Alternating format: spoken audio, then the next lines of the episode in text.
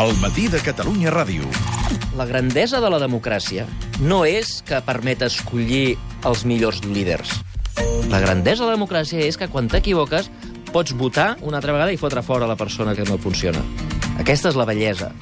No posar la gent bona, sinó treure la dolenta. Amb Mònica Terribas.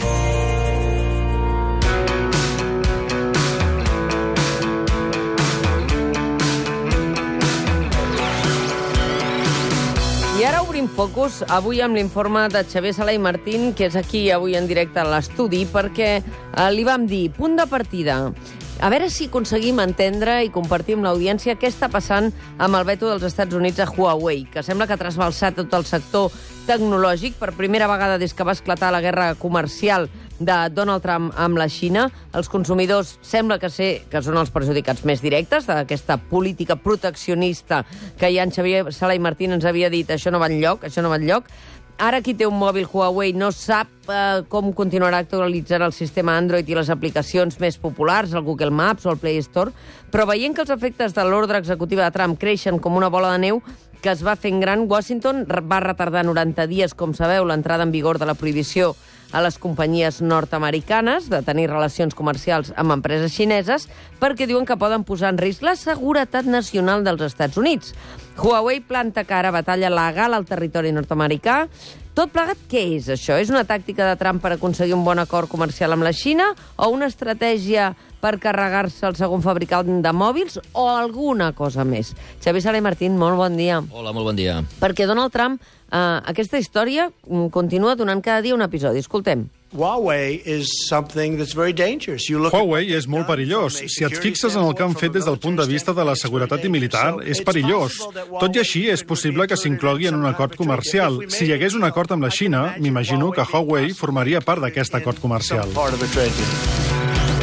La pregunta és simple, Xavier Sala i Martín, perquè la gent que ens està sentint mm, segur que m'agrairan que et pregunti directament què coi està passant? o sigui, a veure, Huawei és el monstre de les, de les galetes? És, és realment una empresa perniciosa? O aquí hi ha alguna cosa més que se'ns està escapant? Home, Huawei és l'empresa tecnològica més important de la Xina. I el que s'està jugant no és una partida comercial ni una partida de, de, de, de aranzels i de...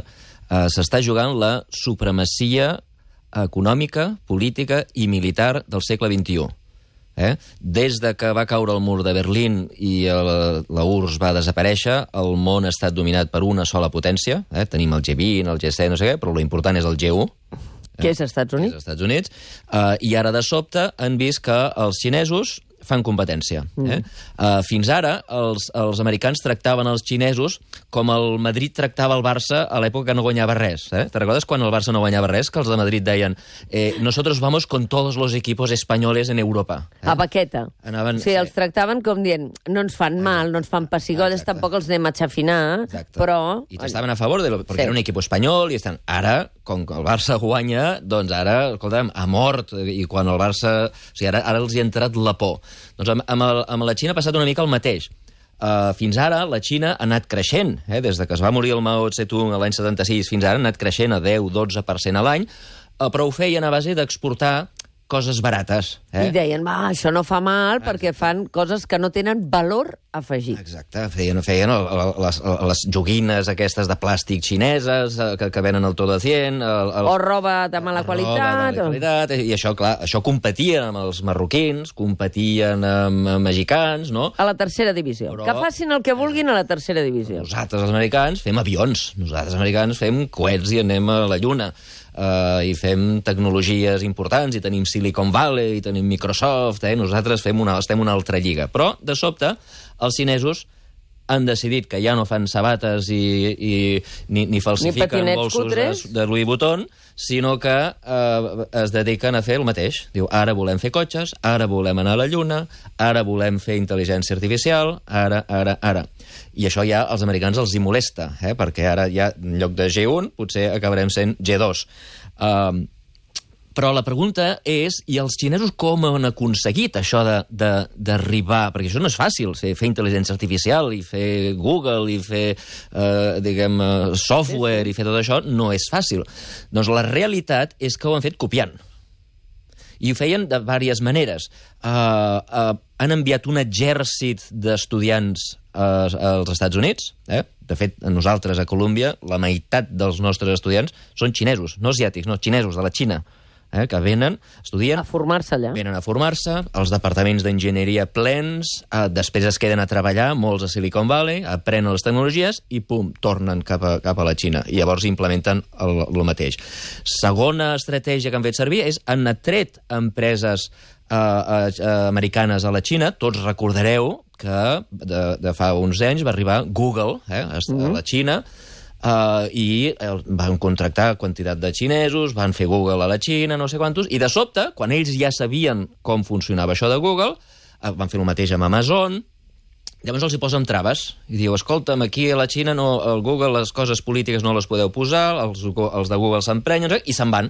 I llavors... I aleshores ja tenen WeChat, Ja el, tenen- seu, exacte, el, ja tenen- seu sistema. Ja tenen- tenen el know-how. Exacte. Tenen el Google xinès, tenen l'Amazon xinès, tenen el Microsoft xinès, tenen l'Apple xinès... D'aquesta manera han anat han anat, diguem, copiant, d'alguna manera, eh, les tecnologies eh, i, eh, i, i llavors, clar, arriba un moment que eh, estan ja al seu nivell tecnològic, al seu nivell científic, eh, recorda que l'any 76 eren un país agrícola. Sí, sí, eh, sí, que, sí. que venien de, de morir que 50 t'imaginaves milions de persones de gana. que els eh? milions i milions de gent que tenien allà estaven allà transportant l'arròs. diguéssim. Aquest és l'imaginari col·lectiu Exacte. occidental respecte a la Xina. I era Encara veritat. ara, a vegades, eh? Però era veritat, a l'any 76. Però ara no. Fa Recorda molts que l'any anys que no ho 76, és. es, eh, o sigui, als, als anys 60-70 es va morir 50 milions de persones de gana. O sigui, no, no eren ni capaços de produir l'arròs suficient per, Per mantenir viva la població. O sigui, està, el, el seu nivell de renda per càpita era més baix que el de l'Àfrica. Eh? Uh, i, i, però, clar, tot aquest, per tant, no sabien res de tecnologia, però ara ja estan al llindar. Eh? Uh, I uh, algú, diguem, una de les empreses que lidera aquest salt tecnològic és Huawei, eh? que per entendre'n seria com, el, com el, el, el, una mena d'Apple, Sí. uh, una mena d'Apple... Seria la, la bandera insígnia que tenen a nivell tecnològic per presentar-se al món, no? Exacte. Eh, això és Xiaomi, que, és, eh, que la gent el coneix ara més pels patinets, però que fan tota mena de... Exacte. I aleshores, aleshores um, els Estats Units veuen això amb por um, perquè, a, a banda de tenir ja empreses tecnològicament avançades, s'ha produït un fet que en el món diguem, de la intel·ligència artificial es coneix com el, el, el, el moment Sputnik uh, a la Xina. Recordeu, el moment Sputnik eh, passa als Estats Units quan els, eh, els russos, l'any 57, el 4 d'octubre del 57, envien un satèl·lit a, a, a donar voltes a la Terra, que l'únic que feia era fer un bip. Feia Sí, bip, sí. bip, i llavors la gent escoltava en la ràdio, ostres, és... I el bip, bip, bip de les... fet, han enviat un satèl·lit, clar, això els americans diu, ostres, ens han avançat tecnològicament. Llavors es produeix una conjura de tot el país, del govern, de les empreses, de les universitats, dels científics, tots dient anem a guanyar la carrera tecnològica. Es, es, es crea la NASA en aquell moment, el, un parell d'anys més tard el president Kennedy fa aquell famós discurs de dir enviarem un home a la Lluna i el tornarem sa i estalvi abans de que acabi la dècada, i ho van aconseguir, una dècada després, a l'any 69, arriben a la Lluna, però es produeix aquesta, aquesta, aquesta conjura en la qual es posen diners públics, diners privats, científics... Una tothom. conjura nacional. Sí, sí, conjura nacional per aconseguir aquest objectiu. Doncs bé, l'any 2017, el, el, el, la, una màquina de Google uh, va i guanya una partida de Go a un xinès que es diu Ke, Ke, Ke Jie, eh, que era el, el millor del món. Eh? Aba- Un any abans havia guanyat en el coreà campió del món, eh, doncs ara el número 1 del rànquing era un xinès, i el guanya el 27 de maig de l'any 2017, fa dos anys. Eh, fa dos anys. Uh, el Go és una cosa que aquí no, no, la gent no s'entén, és com una mena de dames, eh, uh -huh. moltes, moltes fitxes que es juguen fitxes blanques i negres, has d'encerclar, és una estratègia complicada, és un joc mil·lenari, eh, Confuci... Com el Mahjong, per entendre'ns, Sí. aquests jocs. Sí, un joc molt... molt... I llavors el, el, el Confuci deia que el- els savis havien de dominar quatre arts. Uh, la pintura, l'escriptura, la música i el I Go. el Go. I el Go, eh? I, I tots els grans savis xinesos eren experts en Go i era una cosa tan complicada, és un joc tan complicat que, que té tantes possibles combinacions, hi ha, hi ha més combinacions possibles en el joc de Go que àtoms en tot l'univers. Eh? Imagina't. És una cosa complicadíssima i deien sempre les màquines no podran guanyar-nos en els humans en això. Doncs bé, 27 de maig de l'any 2017... La màquina guanya un humà. Guanya un humà. 270 milions de persones veuen aquella partida per la tele, tots a la Xina, eh? Aquí no ens vam enterar. Sí, anava a dir. Un drama nacional. Estava sentint-me molt malament informativament i periodísticament, perquè dic, nosaltres d'aquesta partida no em vam informar. No, no, no aquí ningú se m'ha no se m'ha donat, però la, la conseqüència d'això va ser que l'endemà, l'endemà, el Xi Jinping, president del partit del Sí, sí. comitè, no sé com es diu, el president de la Xina, diguem, Sí, el, sí. el, el capo de la Xina, fa un discurs similar al de Kennedy i diu, abans de l'any 2030, la Xina serà el líder tecnològic en el món de la intel·ligència artificial. No pot ser que una màquina americana hagi guanyat amb un xino, que per cert es va posar a plorar al final de la partida. Va ser un drama nacional, allò, eh? Doncs, eh, I això ha fet que empreses, eh, governs, exèrcit, eh, científics, tots conjurats perquè el, el, la Xina lideri la, la carrera de la intel·ligència artificial. Això ha sigut una cosa molt important que als Estats Units se li ha entrat por. Uh, de fet, el moment Sputnik és una, un article que es va escriure Sí, sí. al New York Times l'endemà, dient aquest és un moment Sputnik igual que el nosaltres el vam tenir, cuidado, i en aquell moment als Estats Units els entra el pànic perquè veuen que els xinesos, a través de tots els mecanismes que hem explicat abans, són capaços de millorar la tecnologia, i clar, els americans van i diuen eh, s'ha acabat. S'ha acabat... Eh, Que ens espieu, s'ha acabat que vingueu... Va, anem a tallar totes les possibles fuites d'informació Exacte. estratègica. exactament. Llavors, si sospiten de Huawei, perquè de moment no ha aparegut res que provi que Huawei ha estat espiant. No. Però Huawei està, a banda de fer telèfons, que és el que nosaltres els coneixem més, no? que fan uns telèfons, diguem, bastant Telèfons. similars als de... Els Apple. Els de, sí, els d'Apple, sí. I, diguem, estan, diguem, són bastant líders en el món de la tecnologia 5G. Mm. Tecnologia eh, 5G, bàsicament, vol dir que eh, és, és, una, és una xarxa de, de, de wifi, per entendre'ns, que, és, que va, anirà molt més ràpid. cinc autopistes. Una autopista de 5 carrils? No, de 25. No, que, en aquest cas. Que, que, que permetrà l'internet instantani. Saps aquest, aquest, aquest eh, retard que hi ha sempre quan et connectes a internet, que ja tardes un segon, dos segons? Això no permet fer moltíssimes coses que la intel·ligència artificial hauria de fer servir, hauria de permetre. Per exemple, si tu estàs operant a distància al pulmó d'una persona i l'estàs operant des de Los Angeles i necessites eh, la, que sigui precís i immediat, necessites Un que no hi hagi cap delay. un, de, perquè un decalatge anar... de, de 0,2 segons et mata. Et mata. Els cotxes, una altra cosa, la gran innovació de la intel·ligència artificial seran els cotxes mm, Que es condueixen sense sols. conductor. Clar, si tardes mig segon a reaccionar eh, el Quan veus semàfor, ma- mates el... I per tant, diguem, serà molt important. Serà la via per la qual la intel·ligència artificial realment acabarà sent poderosa. És, és l'au- l'autopista, la, la, les tuberies per les quals circularà les dades que, que alimenten la, la intel·ligència artificial.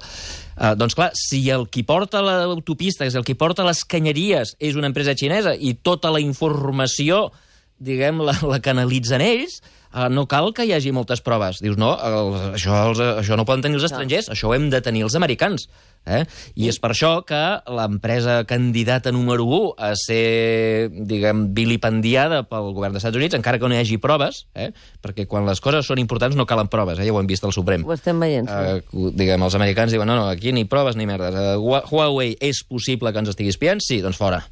Uh, no pot ser que la seguretat nacional estigui en mans de- d'una empresa estrangera. I comença amb la detenció, recordeu, al Canadà, d'aquella executiva que era la filla de l'antic tal. La filla de l'amo, diguem. La filla de l'amo. La filla de l'amo, que era la directora financera... Tot això comença allà. Comença a Canadà, uh, però, diguem, és part de- d'una estratègia dels Estats Units. El que passa que a mi... Amb connivència occidental. Sí, sí, de tots, tots, perquè tots, tots els Perquè occidentals... tothom s'hi juga al- tots al els predomini econòmic. Tenen por.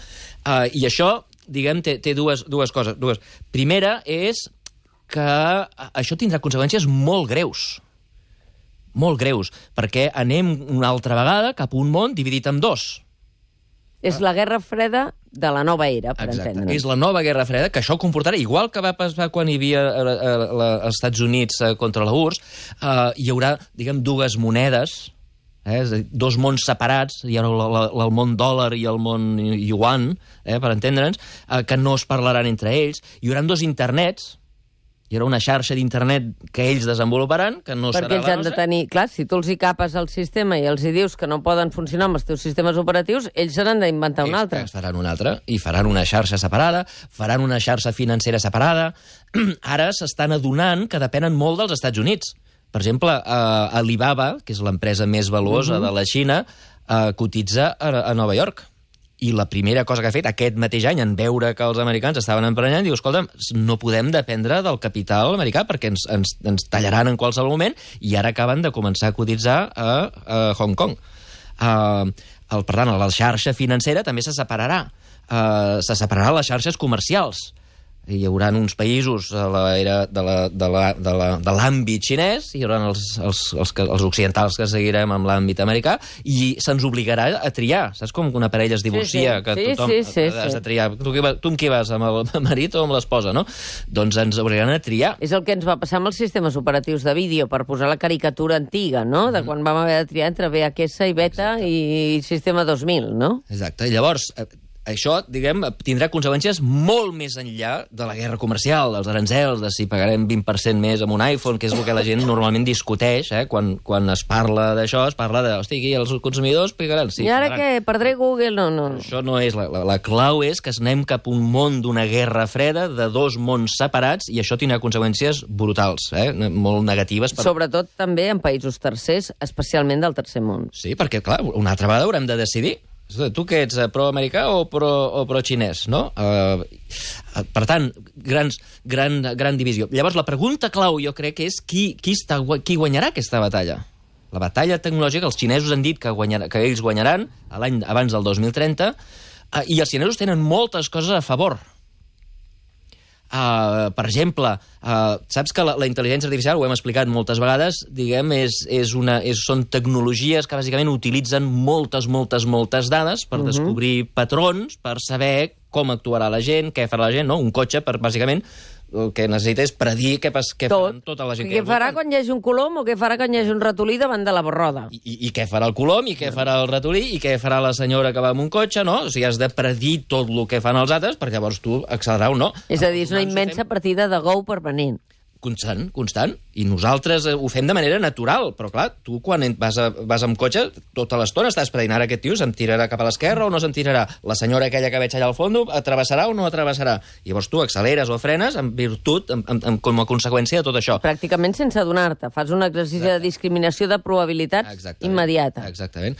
I, a- I això, les màquines ara ho poden fer, però necessiten milions i milions de dades, no?